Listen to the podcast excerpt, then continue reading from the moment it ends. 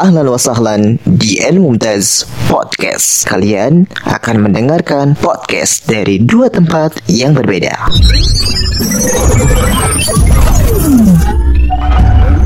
Nih sekarang nih, gimana sih caranya ya? Misalkan ente nih pengalaman eh, buat meyakinkan ke orang tua kita sendiri ataupun ke orang tua pasangan kita nih.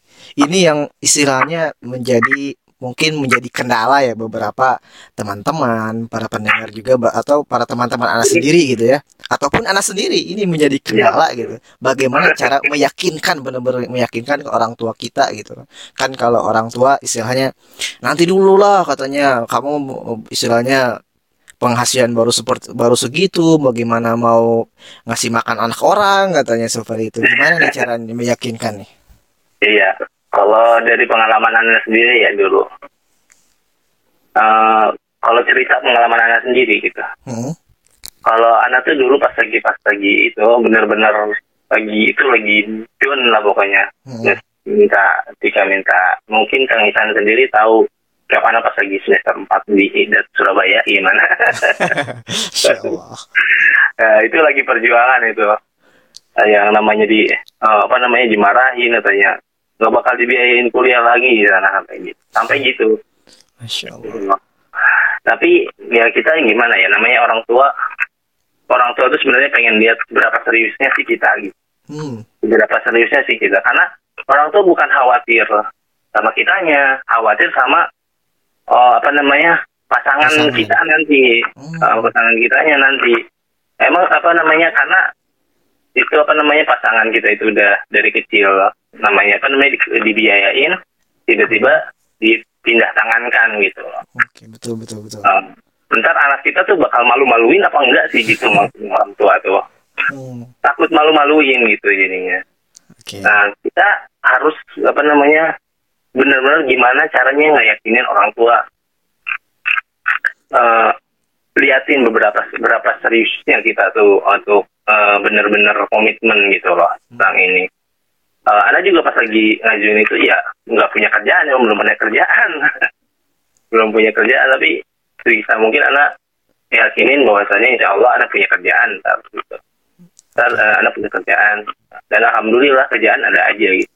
Masya Allah gitu. Terus apa ya? Kalau meyakinkan mertua ya, hmm. ini ini pesan sih dari anak ya. Ini apa namanya? Sedikit rahasia deh. Gimana cara menaklukkan yang kadang apa namanya ada poin penting yang dilupakan oleh orang eh, apa namanya yang mau menaklukkan hati mertua. Ada poin penting gitu gimana nih poin pentingnya itu bahwasanya kita kan nikah itu ya hmm. nikah itu kan apa namanya eh, bukan sendirian ya oke dalam artian bukan sendirian Eh, ketika kita udah kenal misalnya udah kenal sama perempuan nih Hmm. yang mau jadi pasangan kita eh, terus eh, misalnya ada apa ada komitmen kita untuk eh, bersama-sama tapi kan komitmen untuk berduaan ya komitmen dari dua arah dua arah gitu nah cara meyakinkannya gimana Eh, bisa dengan apa namanya ada harus ada andil dari keduanya Hmm. artinya ketika meyakinkan juga yang perempuan ini harus ikut andil gitu loh. Nggak bisa cuma laki-laki sendirian terus datang ujuk-ujuk tiba-tiba datang ke namanya ke orang tuanya terus minta ya siapa? gitu. Ini siapa? gitu kan. Ujuk-ujuk datang siapa gitu nah kan? Ujuk-ujuk datang mau yakinin ya gimana? gitu loh. Eh, Eh, dalam bisnis juga kan nggak bisa kayak gitu gitu loh. Betul betul. Eh, dalam negosiasi tiba-tiba datang gitu kan nggak bisa perlu ada pengenalan dulu perlu ada pendekatan dulu gitu. Hmm. dan perlu ada cara meyakinkan. Nah, cara meyakinkannya ini lewat putrinya tadi putrinya sendiri tadi harus ikut andil. Karena yang mau nikah kan nggak cuma dia doang gitu loh. Jadi cuma laki-lakinya doang. Jadi perlu perempuan juga. namanya sama-sama meyakinkan ya? Nah betul. Oke. Harus sama-sama meyakinkan. Itu yang perempuan yakinin orang tuanya yang laki-laki ikut masuk juga ikut eh, apa namanya meyakinkan gitu. Karena kan yang dari kecil hidup sama orang tuanya itu siapa gitu loh. Betul betul betul. Eh, yang justru masa sih orang tiba-tiba datang bisa ngeyakinin kan nggak eh, apa namanya agak sulit gitu loh. Meskipun mungkin ada sebagian teman-teman yang bisa kayak gitu Hmm. tapi agak sulit gitu kalau misalnya baru. Gitu. Jadi celahnya ya buat eh, apa namanya eh, pasangan calon pasangan kita juga ikut meyakinkan bahwasanya ya saya siap hidup bareng dia misalnya saya siap ini ini saya siap menerima resikonya dia yang lain sebagainya Masya Allah. itu sih itu sedikit rahasia Ya, ya.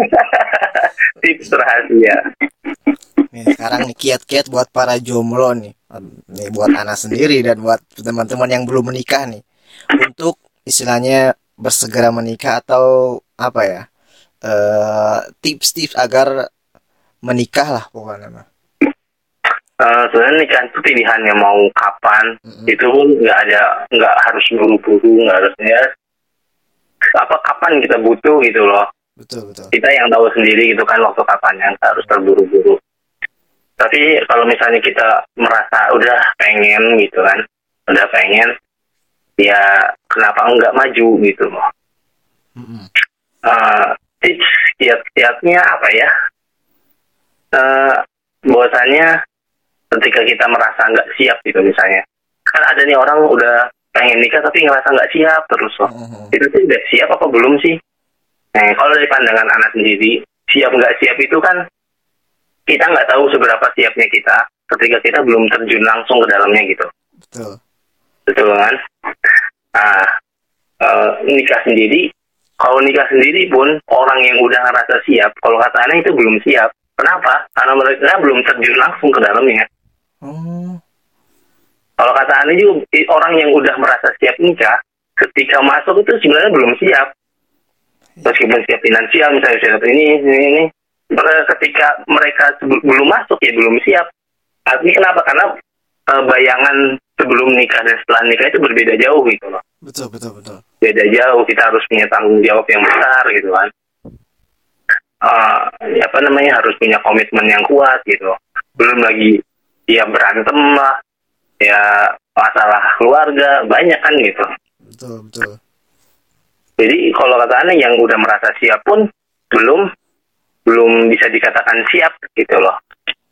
Karena siapnya itu ketika kita udah udah tahu rintangannya seberapa besar, udah tahu rintangannya eh, apa namanya gimana sih rintangannya dan itu bisa diketahui setelah menikah gitu. Nah terus terus gimana dong kalau gitu kita nggak bakal siap-siap nikah. Nah nah kalau gitu yang bisa kita pelajarin saat ini dipelajarin gitu kayak hak hak seorang istri, Hmm. kewajiban seorang suami. Dan lain sebagainya. Itu yang penting. Itu yang penting setelah kita tahu itu apa namanya intinya tahu hak dan kewajiban uh, apa namanya terus bagaimana Rasul apa namanya memperlakukan seorang istri dan lain sebagainya gitu kan. Itu artinya itu cuma ilmu persiapan untuk menuju ke sana gitu. Sedangkan kita kita sendiri kalau misalnya apa namanya dikatakan siap dengan ilmu itu ya belum siap karena kita masih perlu belajar gitu. Betul. dan pernikahan sendiri justru itu tempat belajar sesungguhnya. Ini cat-cat buat para jomblo nih ya. Iya, jadi kalau masih ragu ya coba meyakinkan diri ke Allah gitu, minta diyakinin sama Allah. Tuh, Masya Allah. dengan Bismillah lah, Insya Allah. Nah, ini pertanyaan terakhir nih. Ini kan eh, udah berapa tahun sih antum tuh nikah tuh? Udah jalan berapa Baru baru setahun, setahun ya? Istilahnya baru apa ya? Awal ya, baru iya sekarang. betul. Masya Allah. Nih sekarang nih, walaupun istilahnya masih baru setahun, nih apa sih pandangan poligami menurut anda? Apakah anda akan tambah atau bagaimana? Tuh, berat berat, pertanyaan berat nih. Ah, poligami ya, poligami itu sebenarnya salah satu ibadah ya. Betul betul. ya tapi anak banyak apa namanya eh, banyak melihat gitu kata poligami ini sendiri malah jadi kayak bukan ibadah gitu loh jadi kayak lomba atau jadi kayak apa ya candaan gitu Uh, padahal sebenarnya eh, nggak uh, semudah itu gitu loh. Nggak semudah itu bahkan yang uh, kalau banyak lihat di apa namanya di grup bapak-bapak dan yang lain sebagainya yang keluar-keluar poligami justru nggak poligami poligami gitu. Itu bukannya menyinggung apa ya tapi emang itu gitu, gitu kenyataannya gitu. Uh, jadi kalau menurut Ana ya uh, Ana sih nggak ada niat buat sana gitu. Loh ya. buat Ana sendiri satu aja. Ana nggak tahu apakah itu udah adil atau belum gitu loh apakah Ana penuhnya gitu Ana sih nggak ada niat ke sana gitu Masya Allah. Ya Allah, anak nggak ada niat sana. Tapi anak nggak melingkari bahwasanya poligami itu uh, ibadah ya itu udah termasuk ibadah yang disunahkan oleh Nabi itu kan. Betul betul. Tapi anak sendiri nggak ada niatan ke sana karena ya apa ya ya selama ini yang nemenin anak dari nol siapa gitu kan nggak ada uh, rasanya aneh itu kalau misalnya anak harus uh, nyari orang lain lagi gitu.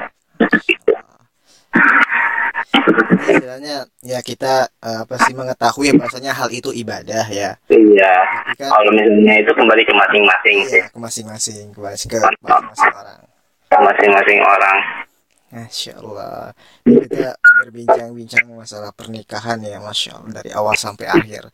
Oke Kesimpulannya nih Kesimpulannya sebelum ditutup Bagaimana kesimpulannya? Ya kesimpulannya ya yang mau nikah ya segera disegerakan itu kan daripada nggak lau daripada pusing terus daripada terjebak dengan dosa yang sama gitu tiap hari. Lebih baik disegerakan gitu. Itu kesimpulannya jangan takut menghadapi orang tua ataupun mertua. Cukup yakinkan mereka dengan keseriusan kita dan ya begitu dan yang terakhir selalu minta tolong Allah apa pun keadaan kita. Jadi apa pun eh, apa namanya masalahnya ibadahnya kita harus melibatkan Allah Subhanahu wa taala. Iya betul sekali. Masya Allah. Jazakallah khair eh, Kang Darul. Semoga sehat. Uh, iya, keluarganya ya. Amin. Uh, dijauhkan dari yang namanya wabah seperti ini. Semoga sehat keluarganya. Salam sama keluarganya. Assalamualaikum warahmatullahi wabarakatuh. Iya. Waalaikumsalam warahmatullahi wabarakatuh.